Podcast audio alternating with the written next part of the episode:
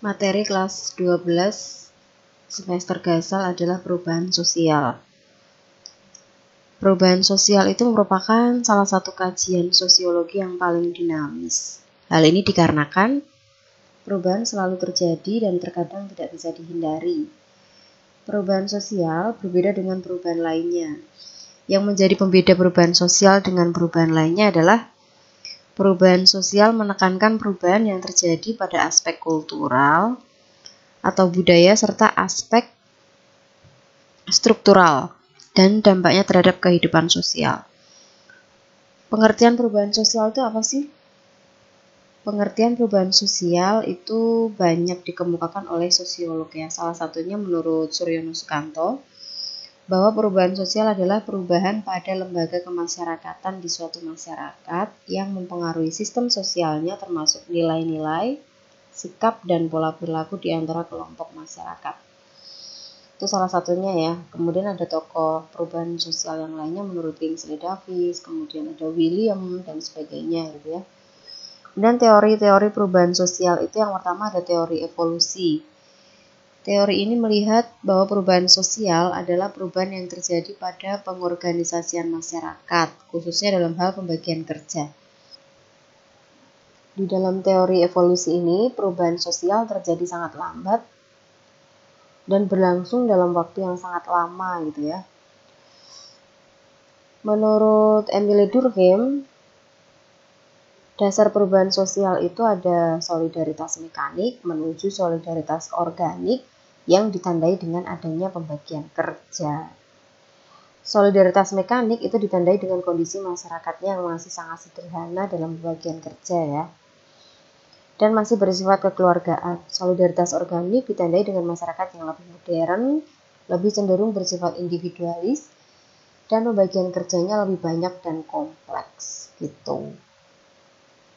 Nah, ada beberapa penggolongan teori evolusi ini sangat penting ya untuk teori perubahan sosial. Yang pertama ada unlinear theories of evolution. Jadi teori ini menganggap masyarakat berkembang dari yang sederhana menuju masyarakat yang kompleks. Bentuk teori ini adalah teori siklus yang berpendapat bahwa tahap-tahap perkembangan menyerupai lingkaran di mana tahapan tersebut dapat dilalui berulang kali. Itu yang dinamakan unlinear theories of evolution. Teori yang kedua ada universal theories of evolution. Teori ini mengemukakan bahwa perubahan merupakan hal yang linear atau sudah memiliki garisnya sendiri sehingga perubahan akan melaju ke depan dan tidak akan berulang seperti pada pandangan teori siklus. Teori berikutnya ada multilinear theories of evolution. Teori ini menekankan pada penelitian tahap-tahap perkembangan evolusi masyarakat. Misalnya, perubahan sistem pencaharian dari berburu ke pertanian atau dari pertanian menuju industri. Jadi ada tiga tadi ya, penggolongan teori evolusi tadi ada tiga. Yang pertama ada unlinear theories of evolution, kemudian ada universal theories of evolution, dan yang ketiga multilinear theories of evolution gitu. Di dalam perubahan sosial ada juga teori konflik. Teori konflik sosial ini merupakan sumber utama terjadinya perubahan sosial gitu ya. Konflik sosial terjadi karena adanya pertentangan antara kelas sosial di mana kelompok yang lebih kuat cenderung mendominasi kelompok yang lemah. Nah, teori ini berakar dari pemikiran Karl Marx tentang konflik antara pemilik modal atau berjuis dengan pekerja atau proletar. Kemudian ada teori siklus. Teori ini perubahan merupakan siklus yang terjadi berulang-ulang, tidak dapat direncanakan atau diarahkan ke titik tertentu. Contohnya misalnya teori siklus adalah mode fashion gitu ya. Jadi kalau zaman dulu pakaian kemeja yang bunga-bunga itu ketika era 80-an pakaian tersebut sangat ngetren. Kemudian di tahun 1900-an kemeja berbunga-bunga itu ngetren lagi. Jadi itu yang dinamakan teori siklus, teori yang e, terjadinya berulang-ulang. Kemudian teori berikutnya adalah teori linier. Jadi teori ini perubahan bergerak menuju tahapan atau titik tertentu. Kalau di dalam gambar, teori linear itu berupa garis yang dari diagram dari bawah ke atas seperti itu. Nah, bentuk-bentuk perubahan sosial sekarang.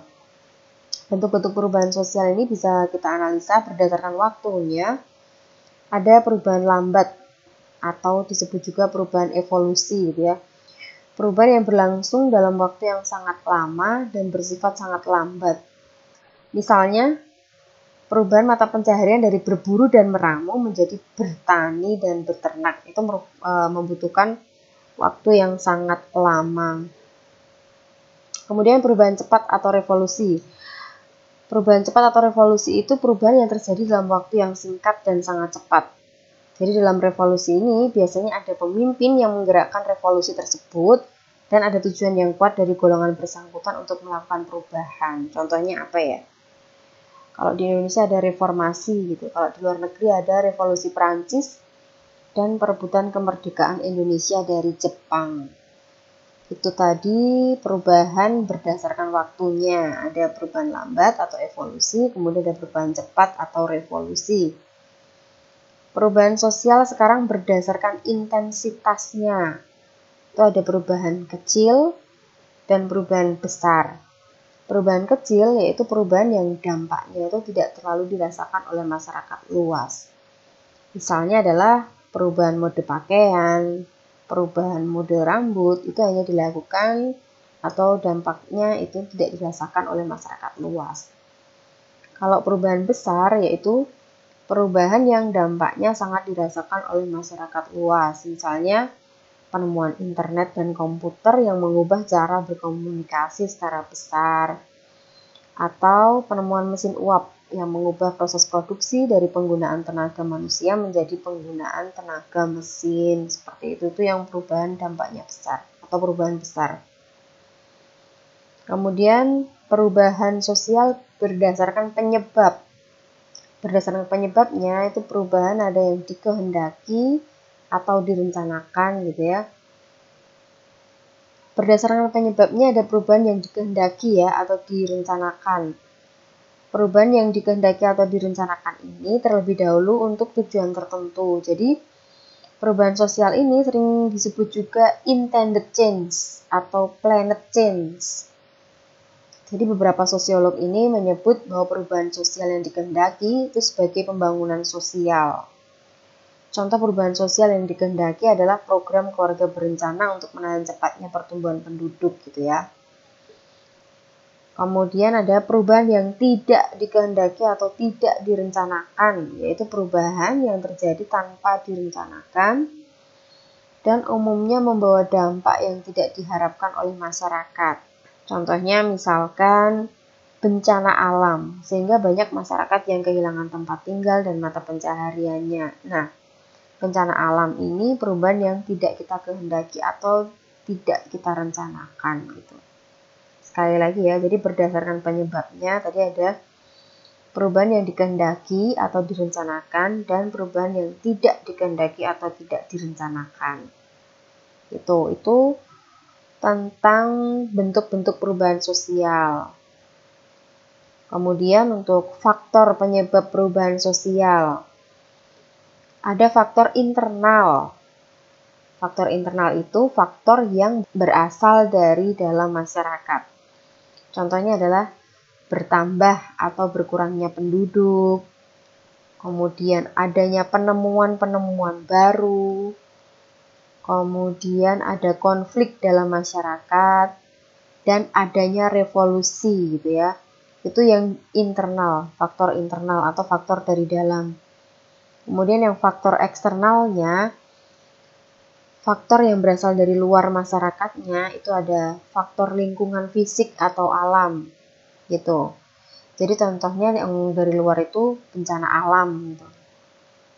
Kemudian ada peperangan,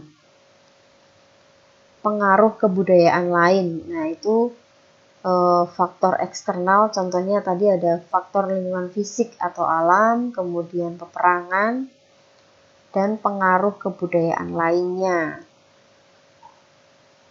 Berikutnya untuk faktor pendorong perubahan sosial. Ini menurut Suryono Sukanto. Faktor pendorongnya yang pertama ada kontak dengan budaya lain. Kontak dengan budaya lain ini dimungkinkan terjadi karena adanya proses difusi, yaitu penyebaran unsur-unsur kebudayaan. Kemudian ada sistem pendidikan yang maju, ada juga lapisan masyarakat yang terbuka atau open stratification. Nah, open stratification ini memungkinkan orang untuk bermobilitas sosial secara vertikal. Kemudian faktor pendorong berikutnya ada penduduk yang heterogen, kemudian memiliki orientasi ke depan. Ini artinya punya visi untuk mewujudkan masa depan yang lebih baik gitu ya. Kemudian yang terakhir, ketidakpuasan terhadap bidang-bidang kehidupan tertentu. Itu tadi faktor pendorong perubahan menurut Suryono Sukanto. Kemudian yang faktor penghambat, yang pertama ada kurangnya hubungan atau interaksi dengan masyarakat lain. Kemudian yang kedua, perkembangan ilmu pengetahuan yang lambat. Nah, gitu. Ada lagi sikap masyarakatnya yang tradisional dan menolak perubahan. Kadang kalau masyarakat tradisional itu kedatangan budaya-budaya baru itu mereka pasti akan menolak gitu. Itu yang menghambat perubahan tersebut terjadi. Berikutnya ada prasangka buruk terhadap budaya baru. Ada hambatan ideologis, kemudian ada lagi yang terakhir adanya adat atau kebiasaan yang sudah tertanam kuat sehingga menolak sesuatu yang baru itu bisa menjadi penghambat adanya perubahan sosial. Dampak perubahan sosial sendiri itu ada dampak positif sama dampak dampak negatif. Dampak positif itu contohnya munculnya penemuan baru yang dapat membantu aktivitas manusia. Contohnya apa? Contohnya adalah penemuan yang sangat membantu aktivitas manusia itu hmm, penemuan internet, komputer, kemudian gawai gitu ya, ponsel pintar. Ada lagi munculnya nilai dan norma baru yang lebih relevan. Nah, itu dampak positif dari perubahan sosial.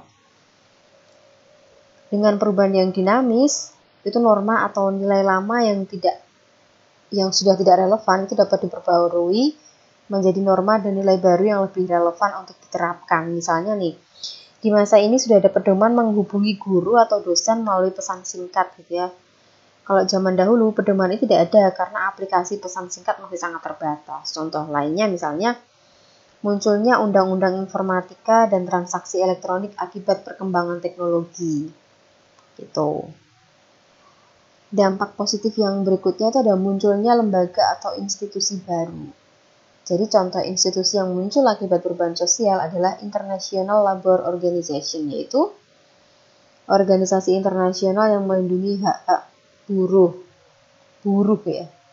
Di zaman dahulu, hak-hak buruh dipegang oleh pemilik perusahaan dan pemilik perusahaan. Seringkali mengeksploitasi buruh secara berlebihan. Dengan adanya organisasi seperti ini, hak-hak buruh menjadi lebih terjamin. Nah, perubahan sosial yang memiliki dampak negatif itu perubahan yang terlalu cepat dapat menimbulkan anomi Anomi itu kalau dalam sosiologi artinya keadaan di mana nilai lama sudah tidak relevan dan nilai baru belum terbentuk.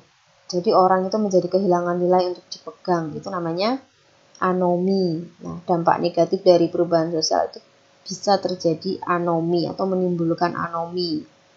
Dampak berikutnya yang negatif dari perubahan sosial itu kemunduran moral. Jadi dampak lain dari perubahan sosial adalah kemunduran moral. Contoh dari perubahan sosial yang menunjukkan kemunduran moral adalah banyaknya berita hoax dan ujaran kebencian di media sosial serta maraknya bullying online. Jadi ketika terjadi bullying itu uh, kita bisa melihat akhir-akhir ini banyak artis di Korea bunuh diri. Nah, itu karena dampak adanya bullying bullying dari pa, dari para netizen terhadap artis yang mereka benci, kemudian mereka mengujar kebencian di media sosial sehingga membuat psikis si artis tersebut.